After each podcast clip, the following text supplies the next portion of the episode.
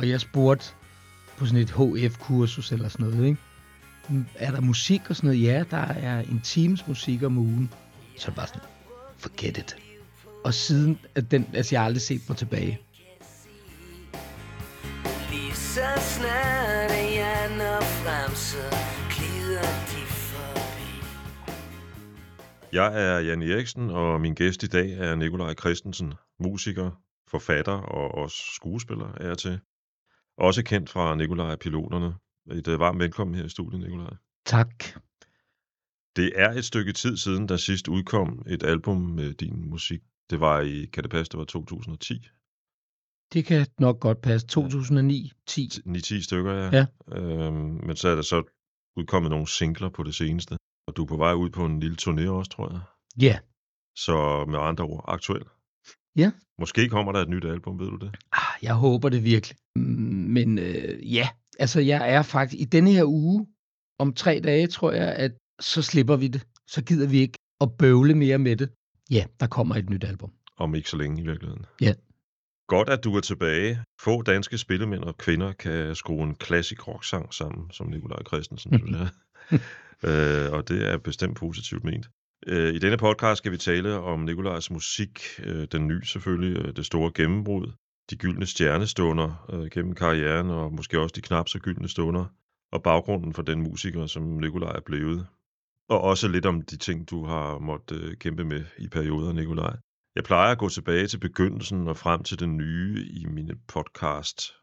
Men denne gang kunne jeg godt tænke mig at gøre det lidt anderledes. Øh, Jeg synes, vi skal begynde med et af de nye numre, der hedder Min Far. Mm. Fordi jeg tror, det siger noget om den, du var, da du øh, for alvor hittede der i 89. Hvem var det, der lagde guld på byens tag? Hvem kravlede ild op i masten? Hvem tror du lastede lasten? Hvem var det, der kom hjem med en knaldrød basgitar? Det var min far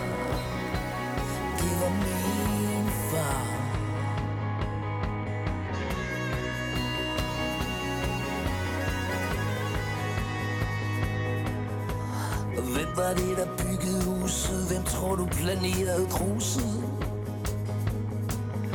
Hvem stemte på de gode røde land og folk politisk møde?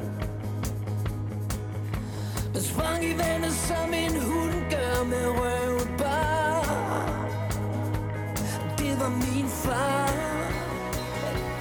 Det var min far Det var min far var min far. Hvem har lært mig tricket At blive fjern i blikket. Men aldrig nogensinde trække stikket. Stammen jeg er skåret af Har tynget livet den gav I spejlet ser han stadig Det synes jeg er en meget varm sang, faktisk. Jeg har skrevet så mange sange om, også lidt om min far. Jeg nævner ham et- på et par sange, men mest om min mor. Mor er den bedste i verden, ikke? Mm. Men øh, jeg synes, at jeg trængte til det. Skrive en sang om min far, og her på det sidste, jeg har haft en vandskade derhjemme. Det viser sig, at vores bygning havde ikke nogen forsikring. Så vi har selv skulle betale for den her vandskade, og det er pinligt, for jeg sidder i bestyrelsen. Ved altså jeg tænkte bare, det har man da. Men lige pludselig, så skulle vi bare betale så sindssygt mange penge for at få sat det her hus i stand. Der ringede jeg til min far og spurgte, om jeg måtte låne, skråstreg, få nogle penge, og det fik jeg. Og det var fantastisk. Så der tror jeg, at jeg tænkte, jeg vil lige skrive en sang om ham. det giver god mening, synes jeg. Men altså, den handler også om alt muligt andet, den sang, ikke? Fordi det er jo ikke kun lutter lavkage at være søn og være far. Så det handler også om, at jeg begynder at kunne mærke, hvor meget jeg minder om ham. Jeg ligner ham på en prik. Jeg opfører mig ofte ret meget ligesom ham. Hvad vil det sige, spørger så? Jamen, altså det der, der er en, der er nogle linjer, et eller andet med, hvem har lært mig tricket at blive fjern i blikket? Men aldrig nogensinde helt trækstikket. Det har min far. Godt rim, bortset fra det. Ja, godt rim. Ja. Man, altså, man kan godt, når man bliver ældre og en, og en gammel mand, så kan man godt blive sådan lidt tom i blikket, eller lidt fjern i blikket, ikke? Og det, der kan jeg virkelig mærke, at jeg ligner ham. Det er en klassiker, det der med en dag at stå og kigge ind i spejlet, og så opdage, at man, kigger, man ser på sin far, ikke? Jo. Hvad har han betydet for dig? Og her tænker jeg måske især på dit øh, livsvalg, nemlig at øh, spille musik. Jamen, jamen, ret meget, tror jeg. Han var jo flipper i slutningen af 60'erne, begyndelsen af 70'erne, og mange af deres venner var lidt yngre og kom i vores hjem, fordi der var sådan rent og pænt, og øh, min mor og far gik på arbejde, og der var øh, et fyldt køleskab. Så det var ligesom der, at de sad på gulvet og jammede, spillede bongotrummer og sådan noget. Der var et band, som specielt holdt til der, der hed Inderst Inde, og jeg har ikke været særlig gammel, 4, 5, 6 år. Jeg startede allerede der med at ville spille musik. Og han og din far vel også lyttet til alt muligt musik, som har Ja. været med dig. Ja, ja der kørte Hendrix 10 Years After, for eksempel, kan jeg huske. Du fortæller i din øh, biografi, Pilot, tror jeg den hedder, Mm. at din mor tog sit eget liv, da du var, jeg tror, du var 16. Mm. Det må vel også have betydet noget for din relation til din far. Det var ikke godt, fordi han kunne ikke... Det er jo det der med at blive fjern i blikket. Øh, han, han, han, han kunne ikke være der for mig. Det er frygteligt at tænke på. Også for ham, ikke? Jeg ved ikke, om han... Det, det er ikke så meget, vi har talt om det. Jeg ved ikke, om han... Om det er gået op for ham, at han ikke kunne være der for mig. Ja, det kunne han ikke. Og så jeg måtte klare mig selv. En af de ting, der kan følge med, at man bl- bliver ældre, det er jo, at man måske når til et punkt nogle gange, hvor man siger, jamen, det var sådan, det var. Mm. Han gjorde sit bedste, men, men kun hvad det kunne blive til, ikke? Eller Jo. At det, hvad, hvad det nu kunne blive til. Ikke? Som Ja, det er jeg enig i et vildt gæt, ikke? Men jeg gætter på, at musikken var et af de steder, der, hvor du ligesom fandt en øh, mening, trøst måske lige fra Ja. På det tidspunkt, da hun døde, der var jeg allerede gået i gang med at skrive mine egne sange. Og ja, altså, der, øh, jeg kan huske, at min far, han prøvede at tage mig ind. Han vidste jo, at jeg var interesseret i musik, så han prøvede at tage mig ind til sådan en erhvervsvejleder eller studievejleder. Og jeg spurgte på sådan et HF-kursus eller sådan noget, ikke? Er der musik og sådan noget? Ja, der er en times musik om ugen. Så er det bare sådan, forget it. Og siden, at den, altså jeg har aldrig set mig tilbage. Så det vil jeg bare.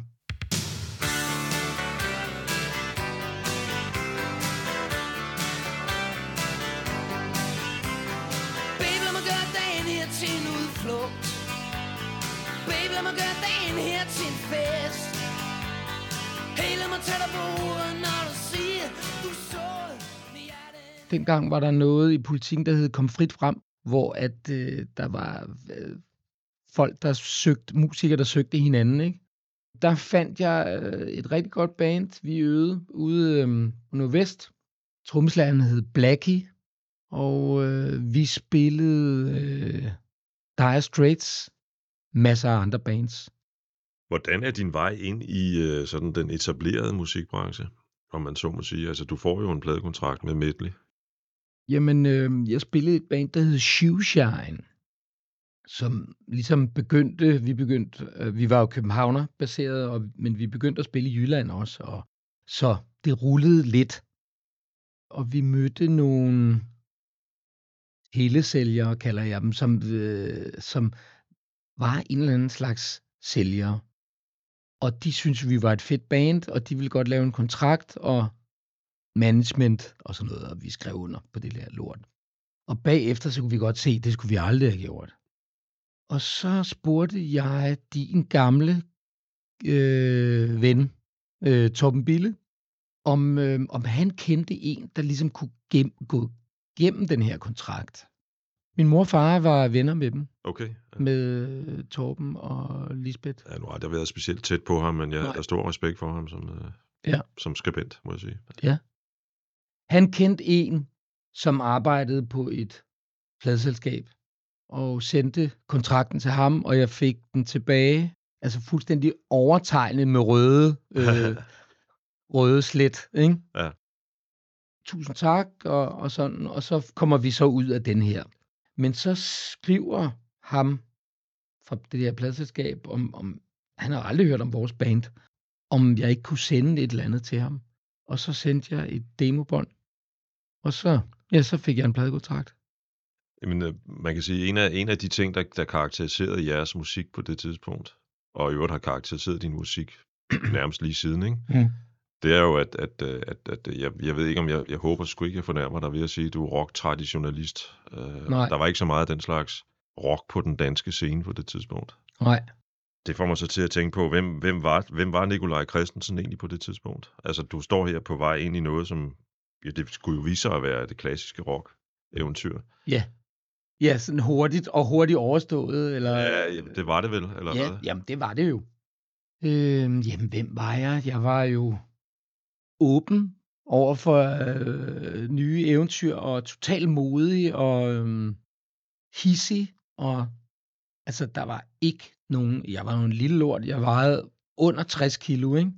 Men hvis der var nogen, der sagde noget, som jeg ikke kunne lide, så fik de bare... Så truede jeg dem bare, eller jeg slog dem. har, du været, øh, har du været ude i mange af sådan nogle fights? Nej, men jeg, jeg, jeg, jeg havde, jeg var hissig og let antændelig. Jeg har, jeg, laver, jeg har lavet et lille medley, Mm. og det er uh, Du er min fra det første album, Mhm. som jo blev en succes, og endnu større succes blev album nummer to, Mm.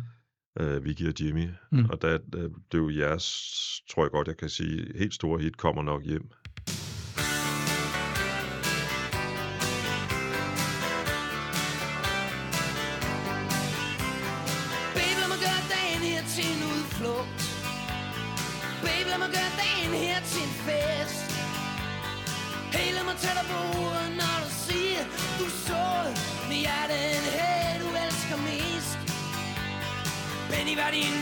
Som kunne det hele Benny glem hele, sig farvel.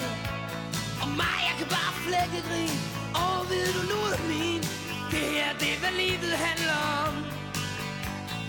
Det her, det er hvad livet handler om.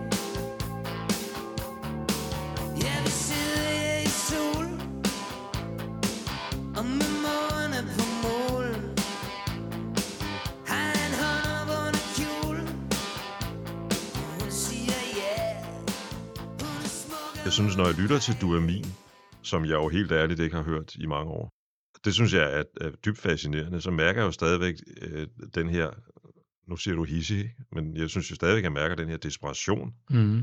eller som Bruce ville have sagt, cry for love, Mm. som er i din tekst. Og det var måske også sådan, det var på det tidspunkt. Jamen, altså, det var jo... Øh, altså, du min... Øh, altså, sådan et nummer, det er jo bare sådan lige et øjebliksbillede af, hvordan er det at stå foran en mikrofon i et eller andet lille studie. Vi optog den på en 16-spor studie, eller øh, båndoptager, ikke? Produceren, teknikeren sagde, kan du, altså, er der god lyd derinde og sådan noget? Ja, ja, det er fint. Så skal du bare fyre den af. Og så fyrede jeg den bare af. Sådan var jeg ikke kun. Men, men det kunne jeg altså øh, bræge igennem. Men det var jo sådan set det, som øh, jeg var antydet før, det var jo det, som, som, som jeg lagde mærke til dengang. Ikke? Ja. Der var ikke så meget andet i Danmark som det. Nej. der havde været malurt, men de sang jo på sidste vers på det tidspunkt der. Ja. Der var ikke så meget andet. Nej, det var der ikke. Det var sådan noget øh, One, Two og Ja, The Liar Bowls og øh, Thomas Helmi. ja, og al respekt for alle dem, men der var ikke Ja. så meget i jeres stil, synes jeg. Nu snakkede vi om gamle Torben Bille, salig Torben Bille. Og jeg kunne godt tænke mig at citere ham for noget, han har skrevet på sit uh, site i sin tid. Mm-hmm. Debut-CD'en øh, Piloter landede lige midt i et rockmiljø, sulten efter en ny stemme, og selv når man skærer datidens hype væk, kandiderer den let til en placering på en top 10-liste over de bedste danske debutplader. Det er sådan set et, øh, et synspunkt, jeg gerne vil abonnere på, som man siger i vores Mhm. dag. Med den, øh, det ty- tydelige forbehold, at jeg jo ikke kender alle danske debutplader, så der, jo- der kan jo godt være nogen, der er bedre derude. Jeg tror det, jeg tror det ikke. Nej. Det mener det.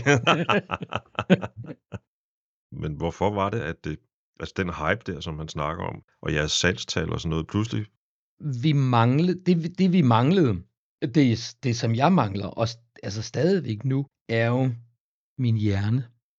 Jeg har aldrig været særlig udspekuleret eller velovervejet. Og det eneste, jeg sådan rigtig har vidst, det var, at jeg godt vil skrive en, en sang til.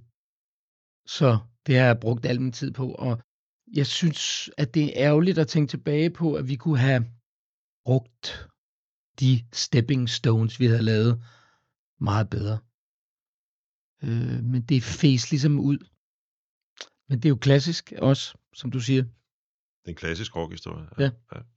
Du har selv skrevet en sang nogle år senere, Rock and Roll Band, Mhm. øh, som øh, måske på en eller anden måde dealer med det. Mm. Og nu citerer jeg igen. Jeg ved ikke, hvad der skete med vores rockorkester. Måske for lidt idé, måske lidt for mange fester. Men Jimmy han sagde lige pludselig stop, for han fik ondt i hovedet. Og, og Johnny han gav langsomt op. Han syntes, hans liv blev rodet. Ja. Var det det, der skete? For, Ja, ja. Ja, nogen fik, nogen fik jobs, og nogen begyndte på uddannelser, og nogen fik nok af at kæmpe både mod, I don't know, forventninger eller hinanden.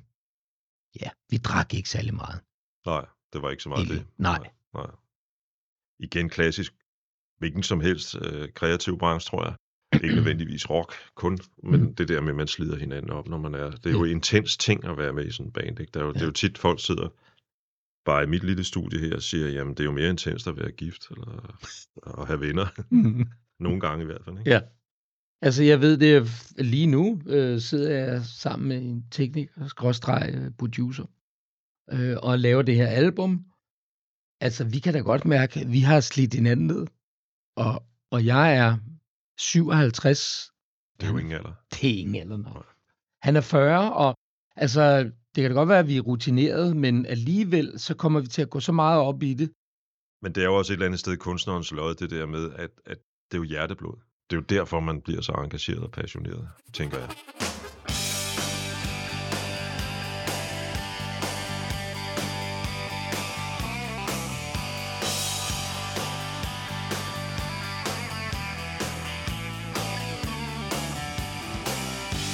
Raketbenzin, raketbenzin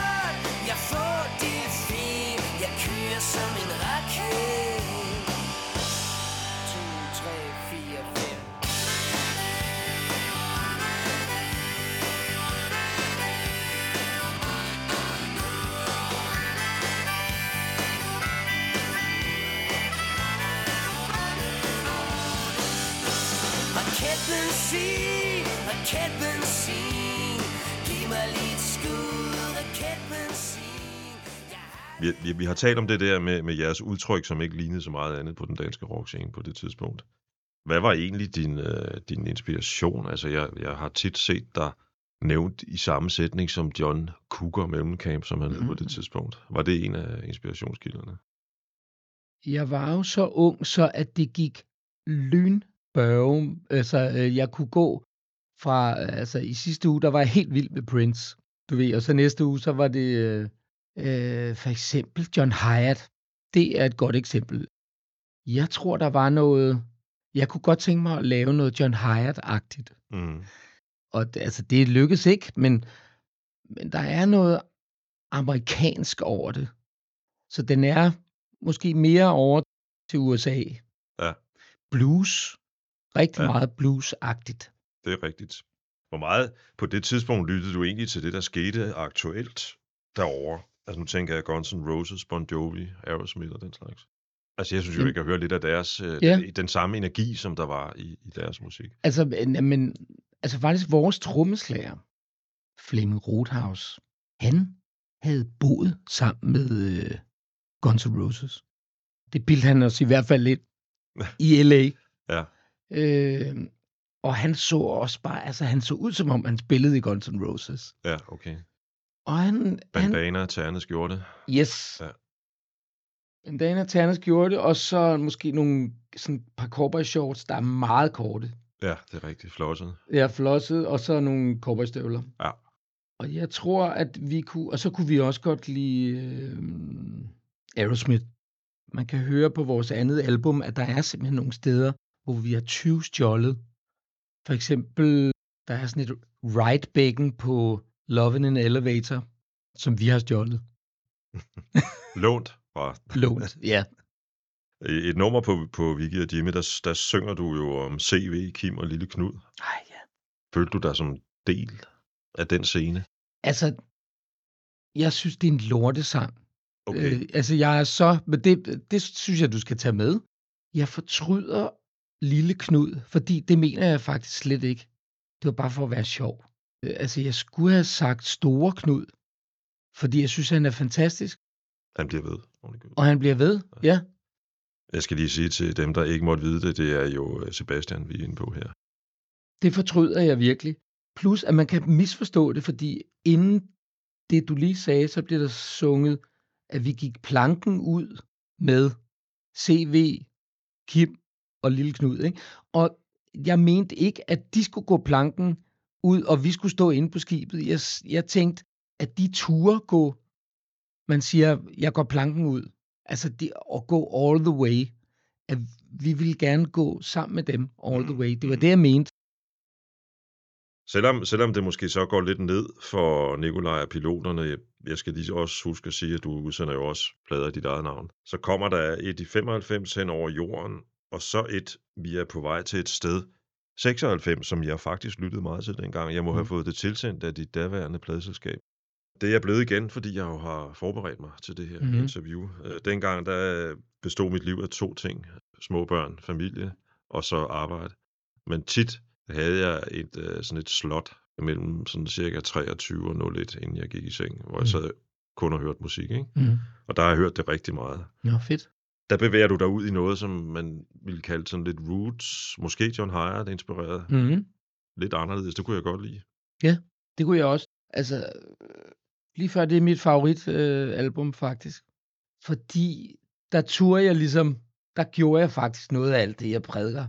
At, øh, at jeg bøjede mig ikke for alt muligt, man skal. Og jeg bøjede mig ikke for en eller anden åndssvag producer. Eller, altså, øh, han, ja, det er også tavligt, fordi der var en fed producer, som også hjalp mig til at mande mig op. Jeg synes virkelig, at det var et godt album, og der er selvfølgelig også noget lort. Det er ikke alle teksterne, der er lige gode, men, men Lille Trum for eksempel, den lyder fucking godt. Mm. Det er et spark i nosserne.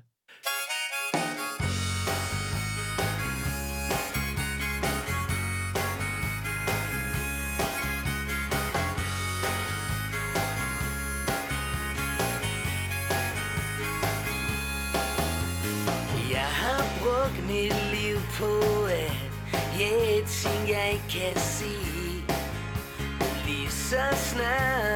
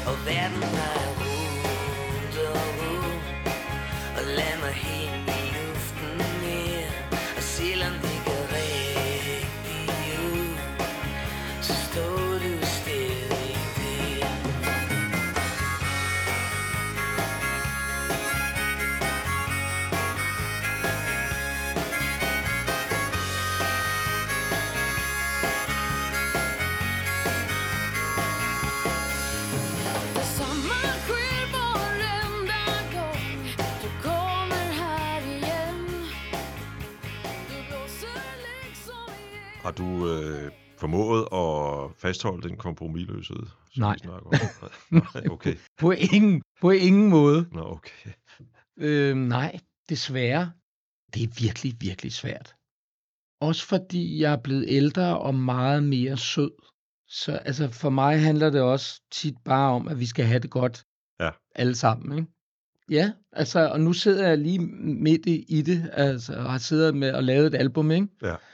Øhm, hvis jeg havde opført mig sådan nu, som jeg gjorde dengang, altså, det ville jeg ikke kunne holde ud. Jeg ville ikke kunne se mig selv i øjnene. Og så bliver det jo lidt mere fyldt med kompromiser. Måske kan der også ske det nogle gange. Jeg er ikke meget for at indrømme det, men nogle gange kan man jo også måske blive lidt klogere af at lytte til andre mennesker. Men, øh, Ja, det er fandme sjældent. Ja. ja, der er vi helt på linje med hinanden der. Nogenlunde på samme tidspunkt, som det her album udkom, øh, begyndte Paul Krabs at røre på sig, og han fik jo etableret en kæmpe succes på baggrund af sine små sensationer. Og han har ligesom fastholdt sin stil. Mm. Havde du, øh, du har jo bevæget dig lidt rundt, Ja, så, så det her nu, var det her album sådan, sådan lidt, nu har jeg prøvet det, jeg må videre. Ej, men jeg synes, øh, undskyld, jeg siger det, men altså, jeg synes, vi var meget mere radikale øh, på det album, du snakker om der, hvor at, øh, du står stadig der på. Hvor at, at Paul altid har været en del mere poleret, hvis det har du du, det har mig. du ret i. Det Ja. har du ret i, ja. Så jeg synes ikke, du rigtig kan sammenligne det. Det er fair nok. jeg vil dog lige sige, at måske ligefrem i rette sætte mig selv og sige, at du vendte jo tilbage på, ja, de fleste af dine album, kan man vel næsten sige, men især på det, der hed Selvantent Mm-hmm. i 2005, på sådan den mere roots-baserede stil. Så det var jo ikke en enig svale dengang i 96. Nej, nej. Og vi prøvede så måske at gøre det samme. De sange skrev jeg, jeg havde købt et, øh, et kolonierhus ude i Brøndby. Dengang, der havde jeg en Arne Würler-periode. Der var forskellige politiske sange, sanger der i 70'erne, 60'erne, 70'erne. Jeg prøvede ligesom at skrive lidt om dem, der bor i nogle af de der grimme bygninger, der ligger derude. Så havde jeg dem, og så prøvede vi at lave måske en lidt mere poleret udgave af øh, det album, som du godt kunne lide. Der. Ja, ja. Det lykkedes. Det lykkedes fint. Der er nogle fede sange. Der er en, der hedder Marrakesh. Jeg, jeg var engang kæreste med en del ældre kvinde, Schweizer.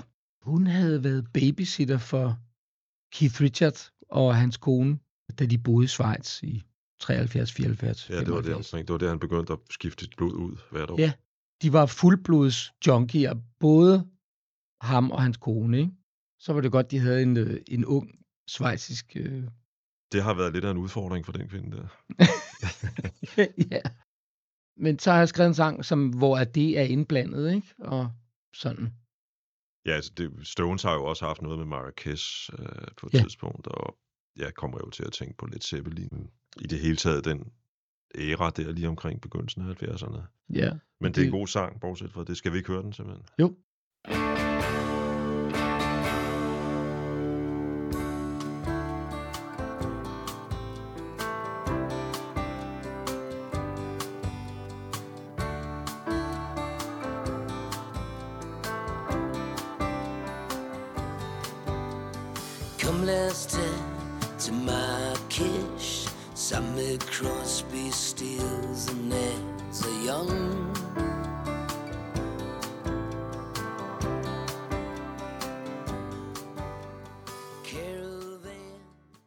Jeg kan mærke noget fra min barndom. Altså, jeg kan mærke noget af tonen og teksturen i det. Den guitarlyd, vi har lavet, og det fører mig tilbage til min barndom. Du får jo noget af et comeback der omkring øh, årtusindskiftet. Ja, vi, vi lavede et Greatest Hits album. Ja. Det skulle alle på det tidspunkt, og dengang så kunne man så med fordel blive reklameret for på TV2 eller TV3 eller hvad det nu hed.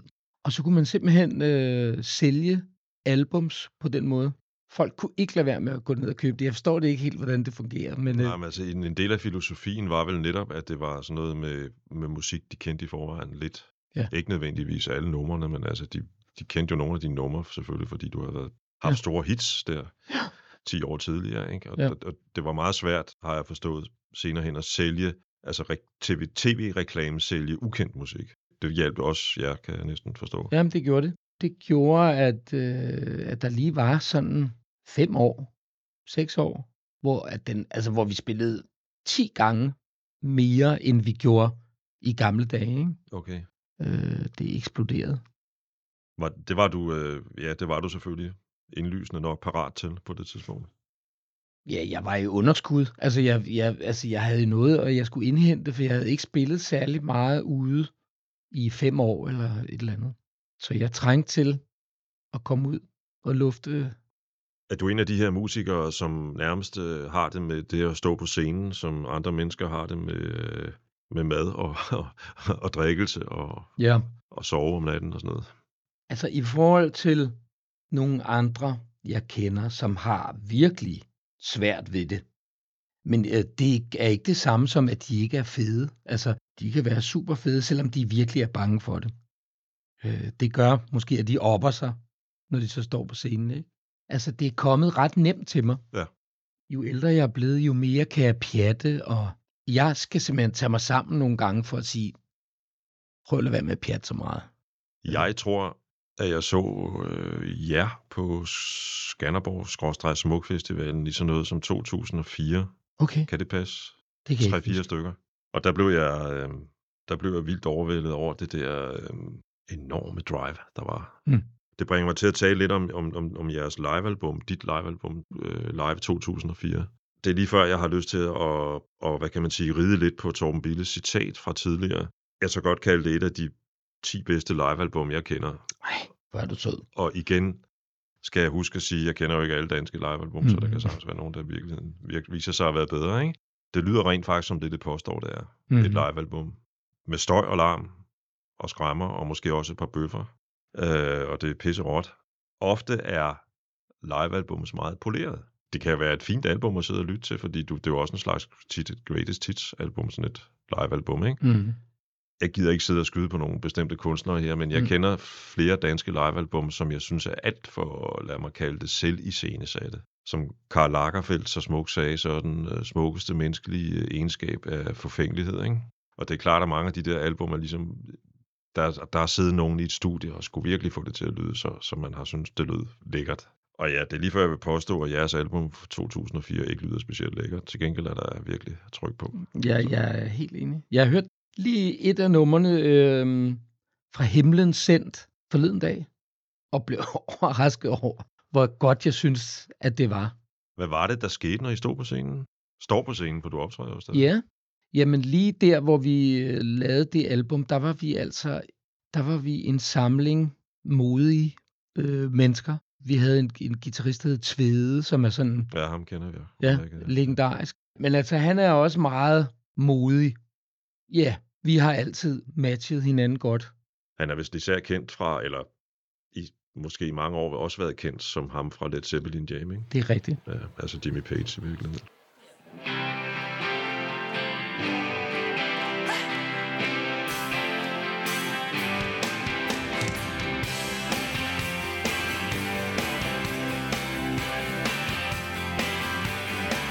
Sender brev til dig Det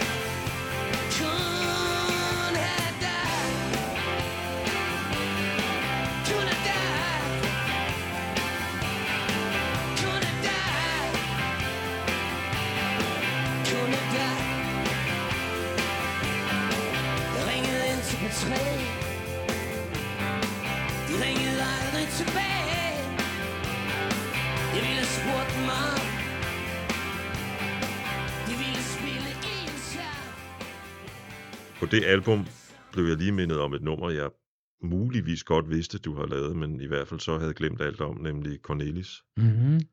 Kæmpestor svensk troubadour. Ja. Hvis vores egen John Mogensen havde haft det i sig, og havde kunne tøjle sine dæmoner, var han jo blevet den danske øh, Cornelis. Ja.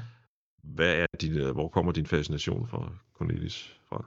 Ja, han hedder Vresvik, skal jeg lige skynde. mig. Bræsvig, ja. Det er også den der vildskab der. Altså, helt, altså man tror jo, det er løgn. Øh, så meget drive og vildskab, han havde i sig. Og så er der jo altså den der sjove historie med, øh, han gik jo i byen, og han var tit i København, og så går han med en kvinde hjem på Christianshavn før, tror jeg det var. Og øh, så viser det så, at kvinden er en mand. Og så bliver øh, Cornelis, han bliver så vred, så han truer øh, den her mand med en kniv, og det går helt galt. Og der kommer politi og sådan noget, ikke? Mm. Men altså, jeg har altid været meget fascineret af den historie. Så jeg tror, det, den sang er nok startet der. Der kan man sige, i den situation var det Felicia Adieu i hvert fald. Ja.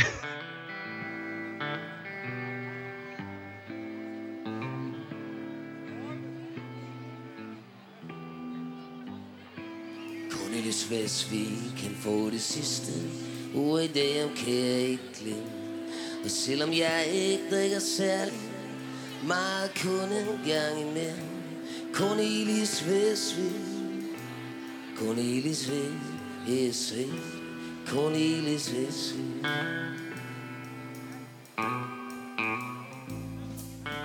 Jamen, jeg tror altid, altså jeg har altid været lidt angst. Og det er nok derfor, at jeg har været så hissig og hurtig. Jeg har haft tinnitus i mange år, og troede, at jeg kendte sådan en størrelse. Den, den kunne ligge sig, den kunne gå op, og Tvede der, jeg, som jeg lige fortalte om før, han spillede tonsehøjt. Lige ind i mit højre øre. Ja, ja. Og han, altså, jeg har fået så meget tinnitus af, af ham. God bless him. Det troede jeg ligesom, at jeg, at jeg kunne leve med. Og så en dag, hvor jeg sidder derhjemme og skriver og hører på musik øh, og laver mad og sådan noget, så får jeg et ildebefindende og besvimer. Altså, jeg besvimer et sekund eller to sekunder. Jeg blackouter ligesom. Og da jeg så ligesom sætter mig op, så har jeg den vildeste tinnitus og er svimmel og kan ikke øh, gå lige. Og så kommer jeg selvfølgelig på, på øh, til nogle undersøgelser, og, og sådan, og de tror måske, at det er øresten, og de tror alt muligt, ikke? fordi at jeg er så svimmel og forkvalmet. Og så har jeg lige pludselig fået en meget stærk nedsat hørelse. Så det sker altså derhjemme. De finder så efter lang tid, mange måneder, finder de ud af, at det nok er noget, der hedder pludselig opstået døvhed, som det viser sig rigtig mange røver, Mm. øh, og øh, rigtig mange kommer ud af det igen, fordi de lige pludselig får deres hørelse tilbage. De fleste er ikke musikere, og har ikke haft svede i højre øre. De er bare helt almindelige mennesker, der vågner om morgenen, og så er der altså et eller andet galt med deres ører. Der kunne jeg ikke mere. Altså, der, min angst, den, den galopperede og fuckede alting op. Jeg kunne ikke, øh, jeg kunne ikke være nogen steder, jeg kunne ikke øh, synge, jeg turde ikke synge, jeg turde ikke spille. Så der røg hele tilværelsen ligesom på gulvet. Vi har lige siddet og snakket om, at det at optræde, det har egentlig aldrig rigtig været... Altså, du har aldrig haft nogen angst forbundet med det, modsat så mange andre. Er det fordi, Nej, det, det har været sådan lidt terapeutisk at stå der og trykke den af? jeg har ikke tænkt så meget over det. Altså, når jeg skal i fjernsynet, så kan jeg godt blive rigtig, rigtig tør i munden. Ja. Fordi der er jeg, har jeg ikke kontrol. Men jeg føler ligesom altid, at jeg har nogenlunde kontrol, når, når jeg står på scenen. Og det kan man jo også mærke. Altså, øh, jeg er ikke specielt sjov, men altså, når jeg står på scenen, så, så griner folk altid. Så man får virkelig meget foræret. De griner ikke lige så meget derhjemme af, hvad jeg siger. Nej, Altså, det kender jeg. Nå, det kender du godt. Ja, det der med farhumor, det der, det er ikke... Det, er Nej. ikke, det, det har ingen kredit. Men det har det altså, når man står på scenen. Ja. Det, er, det er jeg bare glad for. Det vil jeg gerne gøre hver dag. Eller andet sted, så er der jo sådan en fase her, hvor du skal til at finde fornyet, hvad kan man sige, mod på, på at stå på scenen, ikke? Jeg synes, jeg har læst mig til, at der er noget med en bryllupsfest eller et eller andet, som du... Øh, Ja. Det er rigtigt. En af mine venner, Torsten, da jeg var ligesom var begyndt måske at overveje at gøre noget igen, der havde jeg ikke stået på scenen i 5-6 år. Han skal helt tilfældigt spille ude på Amager til et bryllup. De skal spille brudvalsen og spille til fest bagefter. Brudeparet har bestilt en speciel brudevalsmelodi, og det er en af mine sange. Og så siger han, kunne det ikke være sjovt? Altså, vi behøver ikke sige noget. Du kan bare lige komme ind, bare synge den, og så gå igen. Og det gjorde jeg. Og hvad var det for en sang? Det var et, et nummer, der hedder Home Party. Brøndby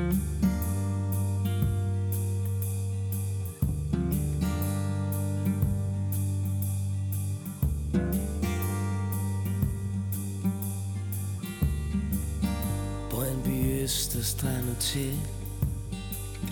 Ikke lige hvad man drømmer ved Jeg ved ikke hvad jeg laver.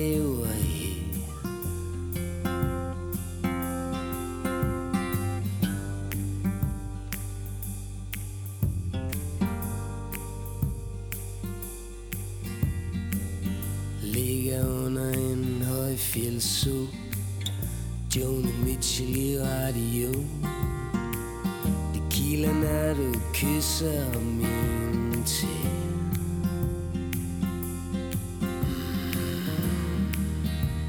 Men uanset hvad så er det Siger om dit home party Altså, jeg får kuldegysning af at tænke på det nu. Og brudeparret, de lagde ikke mærke til, at det var mig. Fordi de var så... Ja, Øh, de var jo selvfølgelig midt i deres ja, Ja. livsøjeblik, kan man vel kalde Ja. det. Ja. Så der var slet ikke noget, øh, altså noget øh, fokus på mig. Det var fedt. Og så tænkte jeg, okay. Der kommer en single i 16, ikke? Mm-hmm. Pis og papir. Ja. Det er så dit første musikstykke, for nu at bruge det udtryk, i seks års tid. Jeg havde været i Italien med min øh, veninde, Nina, og hendes veninde, Anna. Jeg vil sige, at det her, det kommer til at blive, øh, altså det er ikke godt for mig, fordi nu kommer jeg til at fortælle sandheden. Ja, Fordi jeg plejer altid på scenen at bilde folk ind, at jeg var ude at blaffe med to italienske kvinder og alt muligt. ja, ja det lyder Men- også bedre. Jeg lyder bedre. Ja. Det er altså to danske kvinder, og jeg møder dem. Jeg flyver ned til dem i Venedig, og så bliver jeg bare hammer forelsket i øh, Anna der. Altså venindens Ja. veninde. Er venindens veninde. Ja. Der, det var ikke gengældt, men det var så stærkt for mig, så jeg måtte øh, skrive en sang. Det var sådan noget pis og papir, hvis vi aldrig skal se hinanden mere, eller sådan Ja, noget, ikke? ja, ja.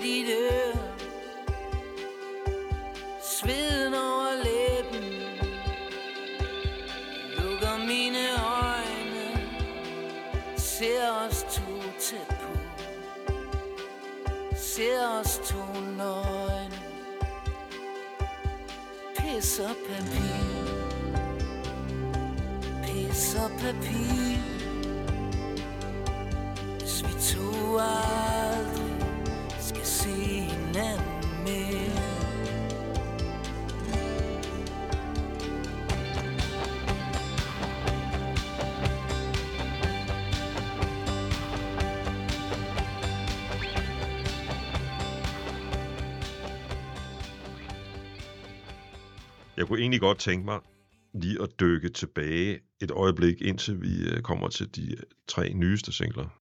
Fordi jeg synes, der er faktisk et ret fedt nummer på Mand, som hedder Kom Nu. Mm. Det er en øh, fed komposition, og det er et fedt hook omkødet. Mm. Og så er det vel også det nærmeste, vi kommer en union af ABBA og Kim Larsen, fordi det mm. er Per Lindvald, der spillede med ABBA den sidste del af deres ja. karriere på trommer, og øh, bassisten fra Kjuken, Jesper Havgaard. Gud ja, det havde jeg lige glemt.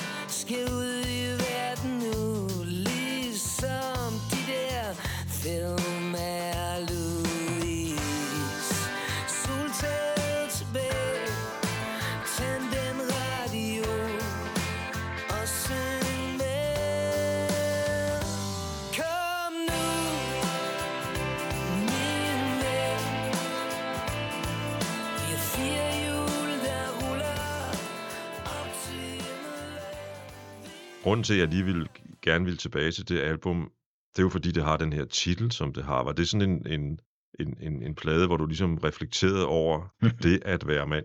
Ja, det var i hvert fald ideen, ikke? Når jeg nu hører det, så tænker jeg, nej, den skulle hedde noget andet. Mm. Øhm, det var min gamle ven Glenn. Jeg, jeg sagde, hvad fanden, hvad, hvad skal den hedde? Så sagde han, Dans din grønskoldning, synes han, den skulle hedde. det synes jeg er faktisk en god idé. Ja, Så sagde jeg, nej, det går ikke. Så sagde han, mand! Altså med et sådan et udråbstegn. Men det vidste jeg jo, at det var der jo ingen, der ville forstå. Og så blev det mand. Så var jeg også blevet lidt ældre og tænkt, at nu var jeg ikke en dreng mere. Og så vil jeg sige, at øh, jeg synes, at man kan høre noget Ulf Lundell i teksten på I Kom Nu. ja. Øh, altså det der med, øh, der er nogle biler og sådan noget, og nogen, der bliver hentet, og øh, Jeg har ikke lige tænkt over Ulf i den sammenhæng, men Nej. jeg, jeg, jeg, hører, jeg synes, jeg kan høre noget Ulf Lundell indimellem, i- når jeg nu har siddet de sidste to-tre dage og lyttet intens til, mm. til din musik. Ikke? En inspiration der. Ja, i hvert fald i, i, i der er nogle tekst, tekster simpelthen hist og pist. Og så er der jo, øh, det bilder mig jo også ind noget Beatles indimellem. Specielt det nummer, der hedder Okay Baby, Mm. Hvor jeg jo synes, jeg hører salig George Harrison i soloen. Det er rigtigt. Du, du, du, du. Ja,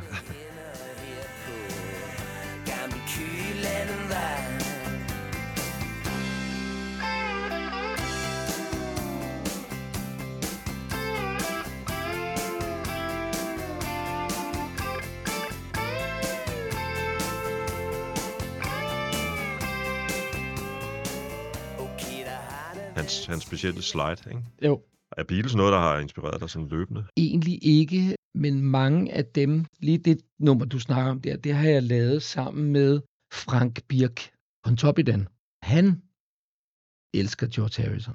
Så øh, det er tit, at hvis vi har manglet noget, så har vi prøvet at stjæle et eller andet fra, fra et Beatles-nummer.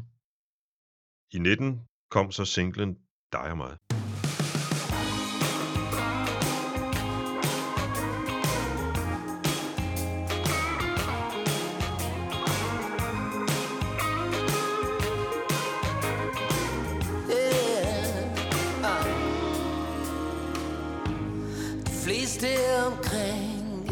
Yes, baby. De fleste omkring er rock and roll. Vi to er noget, de andre ikke har?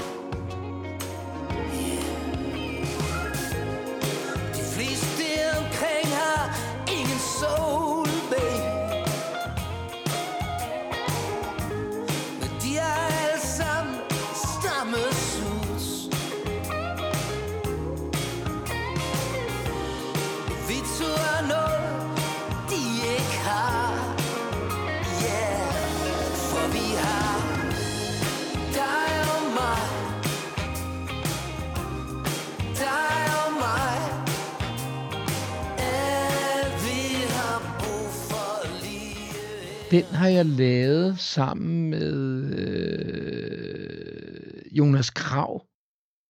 Jeg er lidt i tvivl faktisk, når jeg lytter til den, om det er en kærlighedssang, eller det er en sang, der egentlig handler om noget mere bredt end, du ved, dig og mig? Mhm, mhm. Altså, jeg har svært jeg har lidt svært ved den sang. Okay. Fordi jeg synes lidt, det er sådan en stiløvelse. Jeg synes ikke, at der er nok kød. Okay. Men men altså, men jeg spiller den, øh, du ved, øh, hvis jeg er ude og spille alene, så er den pissegod.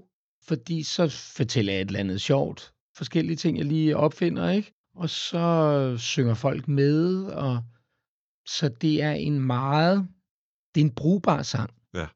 Et af de numre, der kommer med på albummet, og som også kommer som single, det hedder Chelsea Hotel. Har du været der?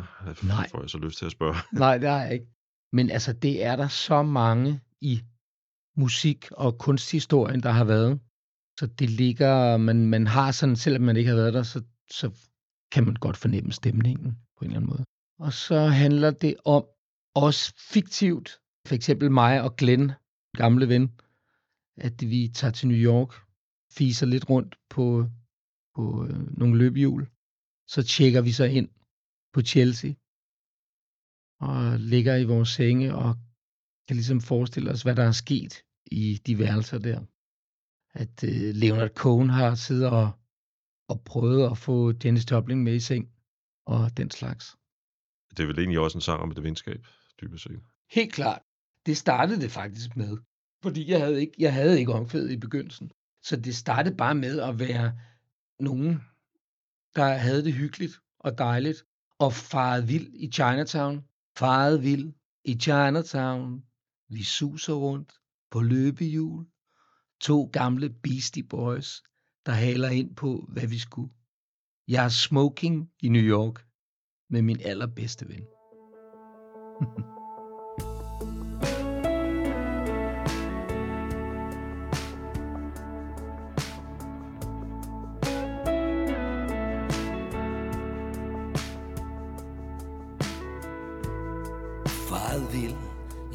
i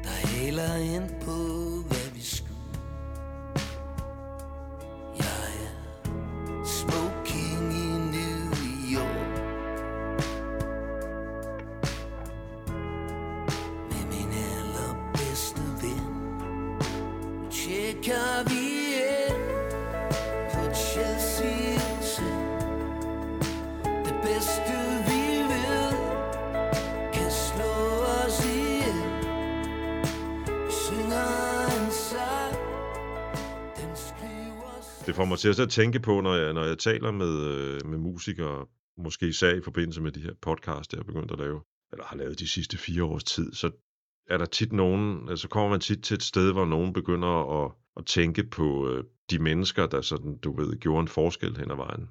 Er der nogen, nu nævner vi, du nævner din ven Glenn, men, men er der sådan i forhold til, til dit liv som musiker, hvor du tænker, der var en der, der gjorde en, en, en stor og vigtig forskel for dig? Hmm, ja, men altså, den første, ham øh, jeg sendte kontrakten til, som sendte den tilbage med røde øh, klamamser, eller hvad det hedder. Øh, Jens Hoffmann, ja, han var, har helt klart været den største. Øh, Han arbejdede vist nok for Medley dengang, ikke? Ja, ja, det ja. han var ENR, samtidig med Paul Brun og Rito. Rito og Nikolaj Foss. Og så selvfølgelig nogle af dem, jeg har spillet med, altså vores gamle bassist Christian Weidner. Og, Sidste nummer, vi kommer til at spille i dag, Unge Hjerter, mm, er det, du har børn, sagde du på et tidspunkt, er det sådan en sang til dine børn? ja, men, men det handler også om, altså det handler om jo, at, at de unge mennesker, de, de, kan, de kan gå fra et til to på et splitsekund, ikke? De kan få en ny interesse. Men når man bliver ældre, så går ting bare mere og mere slow, og det kan blive, være utrolig svært at komme over kærlighedssmerter, øh, for eksempel, eller altså, jeg synes også, det- altså jeg kan mærke, ikke fordi der er så mange, der dør omkring mig, men altså, sorg Altså, det er simpelthen svært at komme over sorg, og jeg kan mærke forskel. det, det er det, den sang handler om. Og Ja. så, en, og så øh, selvfølgelig at prise øh, ungdommen, og hvor er det bare dejligt. Der Ja. er det her øh, fremragende citat fra en eller anden stor amerikansk forfatter. Youth is wasted on the young. Ja. det er rigtigt. Og, øh, og jeg bliver også glad, hver gang jeg ser nogle, men, nogle unge mennesker faktisk øh, formå at øh, nyde den ungdom, de har. Mm. Så i virkeligheden, så tror jeg bare, at jeg vil sige uh, tusind tak, fordi du kom forbi, Nicolaj. Tak.